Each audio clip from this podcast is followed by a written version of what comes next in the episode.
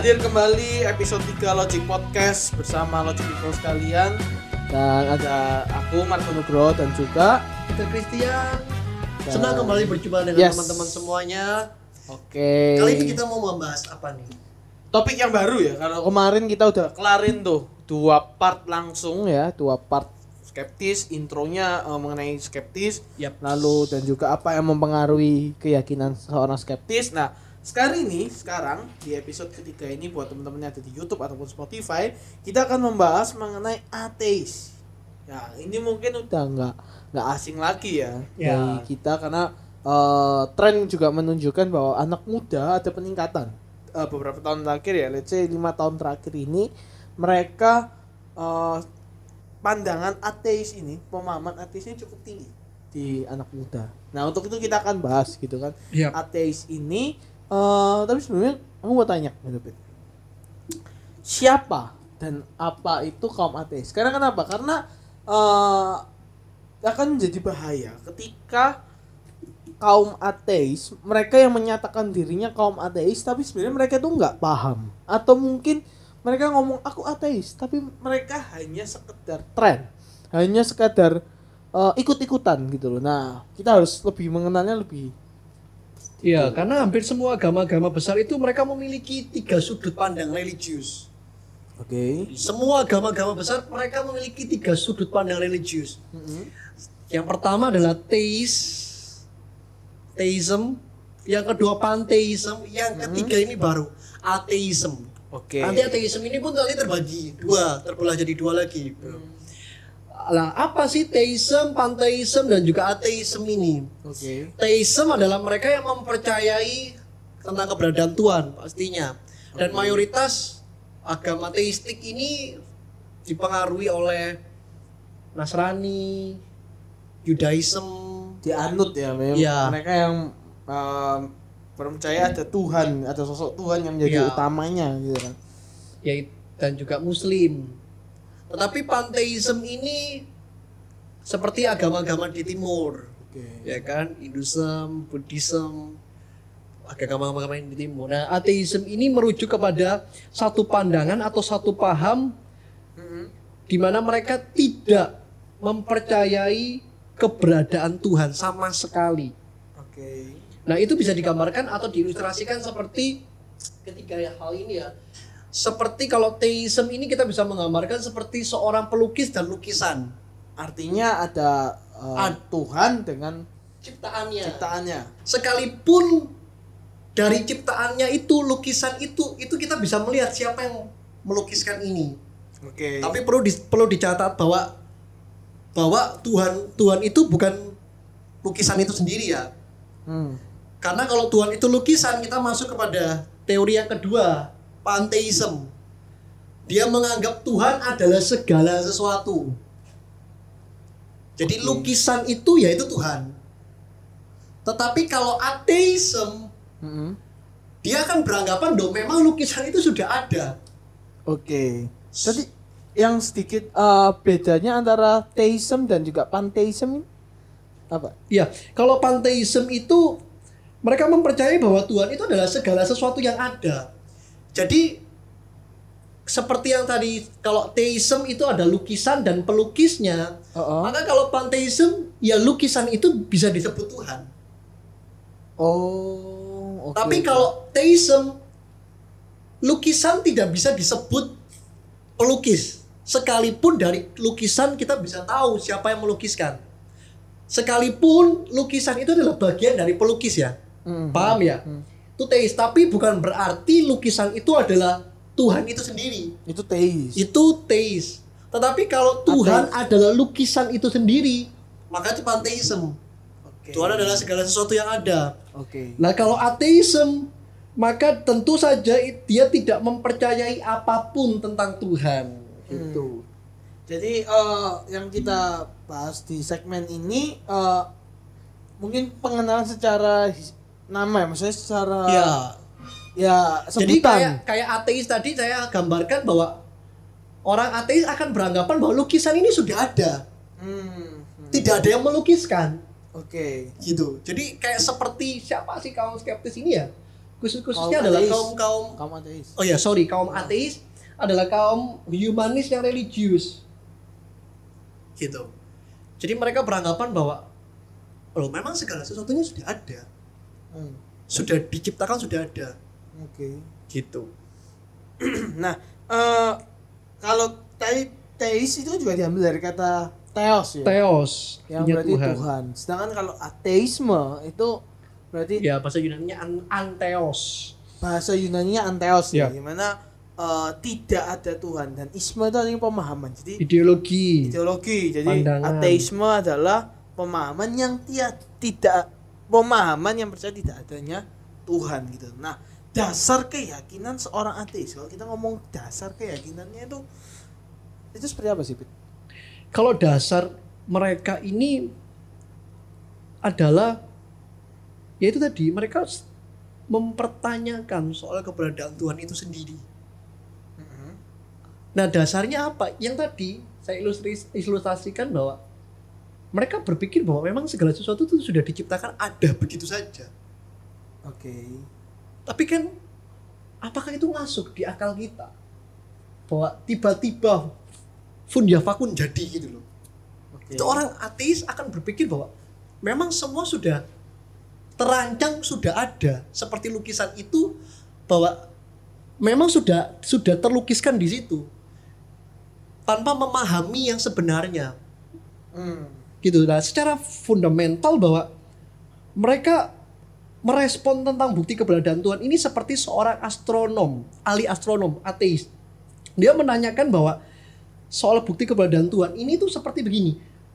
Ketika dia sedang meneliti melakukan satu satu penelitian dia mengatakan bahwa interpreta apa interpretasi yang masuk akal mengenai fakta-fakta yang ada menyimpulkan bahwa ada satu pribadi yang super jenius yang mengalahkan ilmu hukum fisika. Oke. Lah, lucunya, ironisnya astronomi ini tidak tahu siapa super jenius itu. Jadi tanda kutip, Tapi dia seorang ateis. Maksudnya dia seorang ateis. Jadi waktu dia melakukan interpretasi-interpretasi dalam sebuah penelitiannya dan dia meyakini betul bahwa ada seorang yang super jenius yang bermain-main dengan sebuah hukum fisika. Hmm. gitu. Jadi dia pun sebagai seorang ateis pun apa ya? Juga mempertanyakan siapa sih yang super jenius ini? Mengenai sosok yang super jenius ini. Sebab ia tahu betul bahwa ada rancangan yang tepat atas alam semesta ini itu membutuhkan satu kecerdasan yang tinggi. Dan saya bet- yakin betul kaum-kaum ateis ini seperti yang tadi Marco sampaikan bahwa saya kurang sependapat kalau memang itu tapi ya kalau memang isu itu yang terjadi bahwa kalau kemungkinan banyak anak-anak muda hanya karena tren mereka me- mengklaim dirinya sebagai ateis itu cukup aneh. Sebab apa? Mereka perlu satu kejeniusan tinggi, satu kecerdasan yang tinggi untuk mengklaim diri mereka itu ateis. Hmm.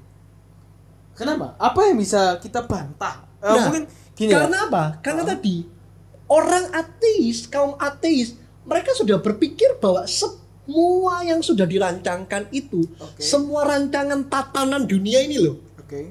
itu dipikirkan itu perlu dengan kejeniusan tinggi.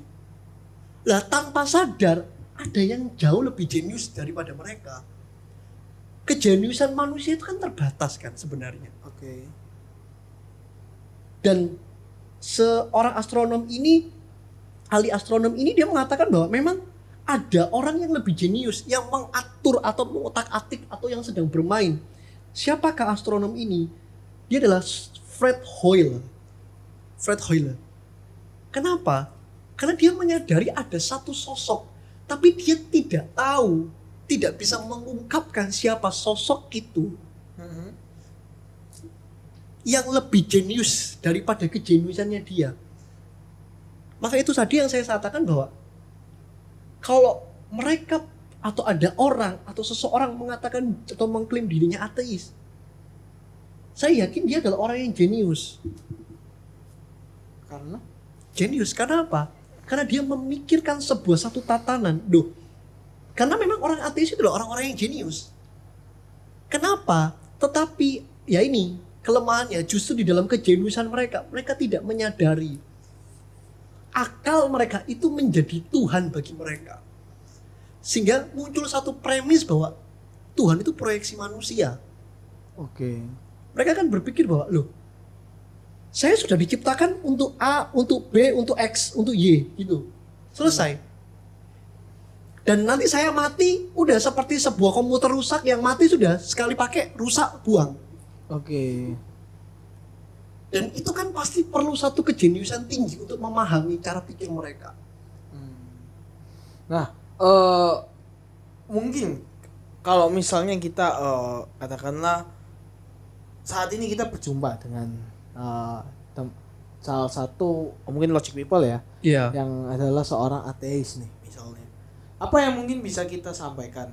Eh, mungkin memang kita tidak bukan kapasitas kita ketika kita menjudge oh kamu salah, oh kamu ini ini ini ya. Tetapi kapasitas kita adalah memberikan satu kebenaran, memberikan satu eh ya ini satu versi Injil ya kan, Iya. yang untuk menjawab ateis mereka. Nah itu apa yang bisa kita lakukan? Nah makanya dalam hampir 2000 tahun yang lalu, 2000 yang ta- 2000 tahun yang lalu sebelum saya ada, sebelum Marco ada, bahkan sebelum Logic People ada, Paulus sudah mencatatkan ini. Rasul Paulus ya. Rasul Paulus sudah mencatatkan ini di dalam Oke. kitab Roma pasal yang pertama ayat yang ke-20 bahwa apa yang tidak nampak daripadanya itu nampak dari apa? karyanya, dari ciptaannya, dari hikmatnya. Hmm. Sehingga apa? Sehingga kita pun sendiri tidak bisa membantah seperti astronom tadi, Fred Hoyle tadi. Sorry, Fred Hoyle tadi. Dia tidak bisa membantah bahkan dengan sendirinya kejeniusannya berpikir bahwa ada yang lebih jenius dari dia. Nah, yang tidak nampak itu sering kali kita bantah. Khususnya kaum ateis. Mereka membantah itu. Padahal seperti saya dan Marco hari ini yang seperti Logic People menyaksikan bahwa sekeliling kita ini, apa pun yang ada di sekeliling kita ini, bahkan apa yang tidak nampak di hadapan kamera, itu sebenarnya adalah hasil dari ciptaan Tuhan itu sendiri kan. Dan kita tidak bisa memungkiri itu teman-teman. Oke. Apa yang kita memungkiri dari hal tersebut? Oke. Jadi sangat tidak masuk akal bahwa ketika seorang astronom mengatakan bahwa alam semesta itu muncul dari ketiadaan atau dari ledakan dari sebuah teori yang lain-lain. Tiba-tiba langsung ada. Tidak. Oke. Karena apa tadi? Paulus sudah mencatatkan bahwa semua yang tidak nampak ini loh, itu sudah nampak. Membuktikan apa? Seperti tadi. Lukisan itu kita nggak perlu bisa menebak, oh ini lukisan Leonardo da Vinci kok. Kita bisa tahu ini lukisan khas siapa. Kenapa? Dari satu gambaran lukisan kita bisa ngerti siapa pelukisnya. Kenapa? Karena lukisan itu kita bisa menginterpretasikan gambaran dari siapa yang melukiskan. Pelan-pelan ya. Supaya nanti kita nggak terjebak dari panteisme tadi. Panteisme kan beranggapan bahwa lukisan itu adalah Tuhan itu sendiri. Hmm. Tetapi ketika kita menyadari sebuah lukisan ini tidak bisa berdiri sendiri. Nah ini loh yang saya maksudkan. Dasar mereka ateis itu tidak bisa berdiri dengan sendirinya. Oke. Kejeniusan mereka tidak bisa berdiri dengan sendirinya. Sama halnya dengan kita hari ini. loh. Kita tidak bisa berdiri dengan sendirinya kok. Makanya kayak eh, salah satu statement dari orang ateis kan mereka bilang kalau misalnya alam semesta ini adalah eh, sudah ada Iya. ya kan sebel apa alam semesta ini sudah ada sebelum manusia ada jadi tidak ada Tuhan dalam keterkaitan dalam eh, penciptaan alam semesta ini gitu kan itu yang menjadi dasarnya kaum ateis gitu loh nah Yap. eh aku juga mencatat gitu ya kayak beberapa kali kenapa kaum ateis itu selalu dikaitkan dengan yang namanya satu moralitas Iya. itu gimana Jadi ketika mereka beranggapan bahwa segala sesuatunya ada dengan sendirinya, maka kita akan berpikir begini, apakah orang akan melakukan kejahatan dengan sendirinya? Pelan aja, pas- pelan tapi pasti begini. Kalau memang segala sesuatu ada dengan sendirinya, maka secara logika Anda sudah diciptakan sebagai pembunuh. Dan itu tidak masalah untuk Anda membunuh. Hmm. Ya kan? Because kamu sudah desain sebagai pembunuh. Oke. Nah makanya apa yang menjadi standar dari moral mereka? Atau apa yang menjadi standar atau ukuran? Kenapa? Karena dari awal mereka tidak punya dasar yang kuat Oke. untuk untuk menjadikan satu pondasi yang kuat, keyakinan yang kuat dalam menentukan sebuah moralitas. Jadi eh, mereka beranggapan bahwa kalau saya diciptakan sebagai pembunuh, ya sudah, memang saya didesain untuk jadi pembunuh. Tetapi anehnya, moralitas itu kan tidak bisa kita pungkiri. Dan perlu dicatat loh, moralitas itu tidak bisa berubah sekalipun kondisi dan keadaannya berubah. Kenapa? Moralitas itu satu hukum yang melekat pada satu hak asasi manusia. Hmm. Itu melekat dan tidak bisa ditarik dalam diri manusia. Nah masalahnya bagaimana mereka bisa menentukan satu yang absolut sedangkan mereka tidak bisa menstandarkan atau mereka tidak punya standar yang absolut tersebut. Karena mereka berpikir bahwa loh kalau segala sesuatunya ada berarti kan memang pembunuhan itu memang sudah ada dan memang sudah dirancangkan untuk membunuh.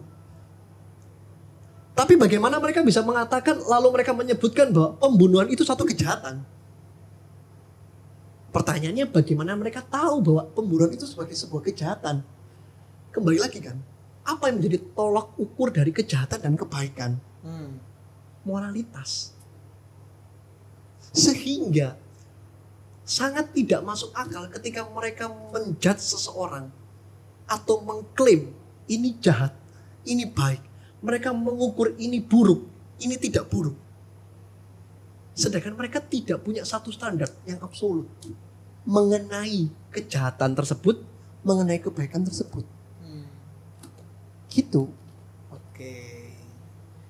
Eh, tapi gini. Ada satu mungkin ya celetukan dari seorang ateis. misalnya. Iya, iya. Saya kasih contoh ya. Mm-mm. Eh, mereka mencetuk gini. Gak apa-apa kok. Kita nggak usah peduli. Kita eh, apa? Apa itu eh, urusan surga dan neraka, urusan hidup dan mati, urusan Tuhan itu ada atau nggak ada, dosaku atau eh, kebaikanku itu aku yang yang tanggung. Dia bilang gitu. Mungkin ada seorang ateis mungkin punya pendapat seperti itu. Tetapi yang penting adalah aku di dunia ini aku manusiawi. Aku di dunia ini menjalankan kemanusiaan. Aku nggak membunuh, aku nggak. eh, Nah, nggak itu. segala- Pelan ya? Lucu. Coba nanti saudara bisa perhatikan apa yang tadi Marco sampaikan. Hmm. Dosa saya saya yang tanggung. Nah ini kita bisa balikkan. Bagaimana dia bisa mengerti itu dosa atau tidak? Oke. Bagaimana dia bisa mengerti itu sebuah hal yang baik atau tidak baik untuk dia lakukan? Karena dia tidak, dia pun tidak percaya yang absolut itu. Tidak memiliki standar soal moralitas yang absolut itu. Dan moralitas absolut itu sendiri Nah, adalah moral absolut itu kita bisa kenal dari sebuah satu kebenaran yang absolut juga. Nah, kebenaran Oke. ini satu kepercayaan kita seperti yang kita sudah bahas di kemarin. Di episode-episode kemarin. Waktu kita ngerti satu kebenaran dari Injil tersebut, yang di mana Injil menyelamatkan setiap orang percaya baik yang tidak percaya, satu kekuatan Allah yang dapat yang memampukan untuk kita bisa menerima keselamatan itu, kita hidup dalam satu kebenaran, maka kita bisa tahu ini yang benar, ini yang tidak benar. Kita tahu dasarnya ini. Itu tahu dasarnya. tahu patokannya. Maka sangat tidak masuk akal ketika dia berpikir bahwa loh, kan nanti saya yang mati. Pertanyaannya, orang ateis itu mereka tidak memikirkan kalau dia mati makan masuk ke mana. Hmm. Iya kan? Karena mungkin bisa jadi eh, bagi mereka juga apa surga neraka juga fiksi. Sangat gitu fiksi sekali. Mereka menghindari semua yang supranatural. kan. Oke. Nah di dalam Kolosi pasal 1 sudah mengatakan bahwa semua yang ada hari ini tuh loh, Mm-mm. baik pemerintahan, baik penguasa, baik singgasana, baik tata, semua yang ada ini itu diciptakan dari dia dan untuk dia. Dan dikatakan segala sesuatu itu Oke. Dia ada sebelum segala sesuatunya ada. Hmm. Berarti memang Tuhan itu sudah ada Oke. sebelum alam dan dunia ini dijadikannya. Oke. Dan dia yang diciptakan atau kita yang diciptakan itu, itu diciptakan juga di dalam dia. Termasuk mereka yang ateis ini loh. Tuhan ciptakan mereka di dalam dia. Maka sebenarnya Tuhan tidak perlu untuk membuktikan atau menyatakan dirinya lewat satu mujizat, satu karya yang besar. Untuk meyakinkan mereka yang ateis. Karena apa? Karena dengan ciptaan, dengan ciptaan sekelilingnya tuh loh. Oke. Dengan lingkungan yang ada. Itu bisa membuktikan intensitas bahwa Wow. Allah itu ada. Wow. Kenapa saya bilang begini? Karena ada satu kesaksian dari seorang ateis, saya lupa namanya, tapi dia mengatakan bahwa tanpa Tuhan Yes. dunia ini tidak cukup masuk akal. Bahkan tadi um, Fred Hoyle juga mengatakan bukan bahwa ada sosok super genius Ya. yang mengotak atik. Karena apa? Semua ini ada dalam satu tangan kedaulatan Tuhan Ya.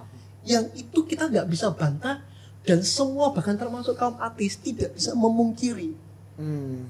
Kenapa? Oke, Karena. Tuhan yang pegang kendali. Tuhan yang ber, yang meng, apa ya? mengambil alih semuanya.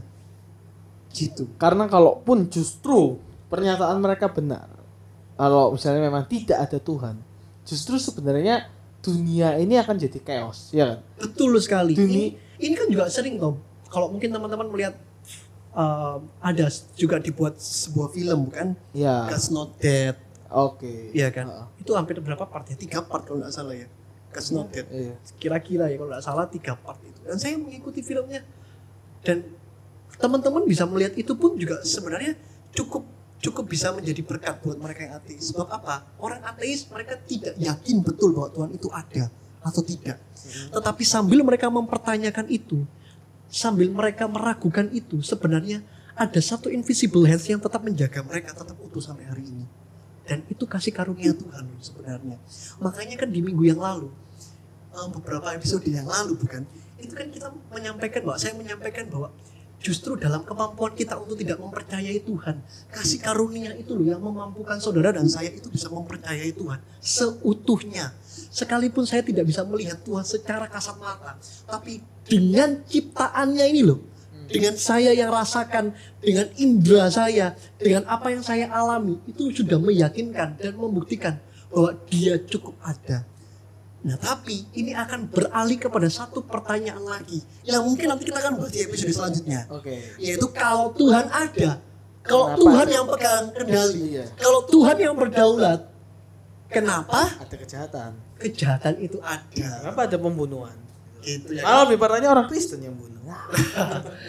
Itu kita akan bahas di episode selanjutnya. Iya, oke. Iya kan? Mungkin eh, sekian dulu ya dari episode ketiga Iya. ini mengenai ateis ya. Jadi udah kita belajar eh, belajar dari insight insight lain ya mengenai eh, pandangan kaum ateis, dasar keyakinan mereka, lalu eh, apa hal yang mungkin bisa kita bantahkan Betul. atau mungkin yang bisa kita jelaskan mengapa eh, kaum ateis ini eh, belum bisa dikatakan sebagai eh, tepat karena mereka pun juga tidak mempunyai standar moralitas dan yang sudah dijelaskan. Walaupun mereka sebenarnya meyakini ada satu sosok lain, Iya. ya kan? Cuman mungkin apa ya, gengsi atau gimana ya? Ya. Nggak ingin mengakui untuk keberadaan sosok itu, Ya, ya kan? eh, tapi mungkin eh, apa biar teman-teman sendiri yang bisa eh, apa ya menerima menjadi perenungan sendiri ya. Kayak Iya. Eh, sesuatu pribadi, maksudnya mungkin jadi satu ini menjadi satu jawaban atau mungkin jadi satu pertanyaan. Nah, untuk itu buat teman-teman yang logic people sekalian yang eh, apa ingin memberikan feedback atau mungkin eh, memberikan support atau mungkin sepaham sependapat ataupun segala segala macam lah feedback dari kalian kita sangat terima kita sangat open banget untuk Iya. teman-teman bisa komen di channel YouTube ini atau mungkin eh, medsos kami ataupun juga kasih love lah ya buat YouTube, Spotify, di Instagram dan juga subscribe pastinya. Oke. Ya, jadi sebagai kesimpulan Oke, kesimpulan. sebagai kesimpulan saya suka dari- dari salah satu kutipan Norman Geisler Siapa itu? salah seorang apologis juga Oke. juga salah seorang preacher juga dia menuliskan dalam sebuah bukunya ber- bersama Frank siapa ya Frank Lampard. bukan. Bukan. Frank siapa saya lupa tapi dalam bukunya dia menuliskan bahwa dalam per- dia menuliskan bahwa dia berdebat dengan seorang ateis dan dia mengatakan satu pertanyaan yang tidak bisa dibantah bahwa jika Tuhan memang tidak ada mengapa segala sesuatunya ada? Jika Tuhan memang tidak ada mengapa segala sesuatu ada? Maka itu akan menjadi dua jawaban apakah dari yang ad- ketiadaan ketiadaan mendapatkan sebuah apakah ketiadaan menciptakan sebuah segala sesuatunya ataukah berarti masuk kepada jawaban yang terakhir Hmm. atau memang Tuhan adalah segala sesuatu dari yang ada saya Peter Christian undur diri Marco Nugroho pamit. Sampai jumpa. Tuhan Yesus memberkati.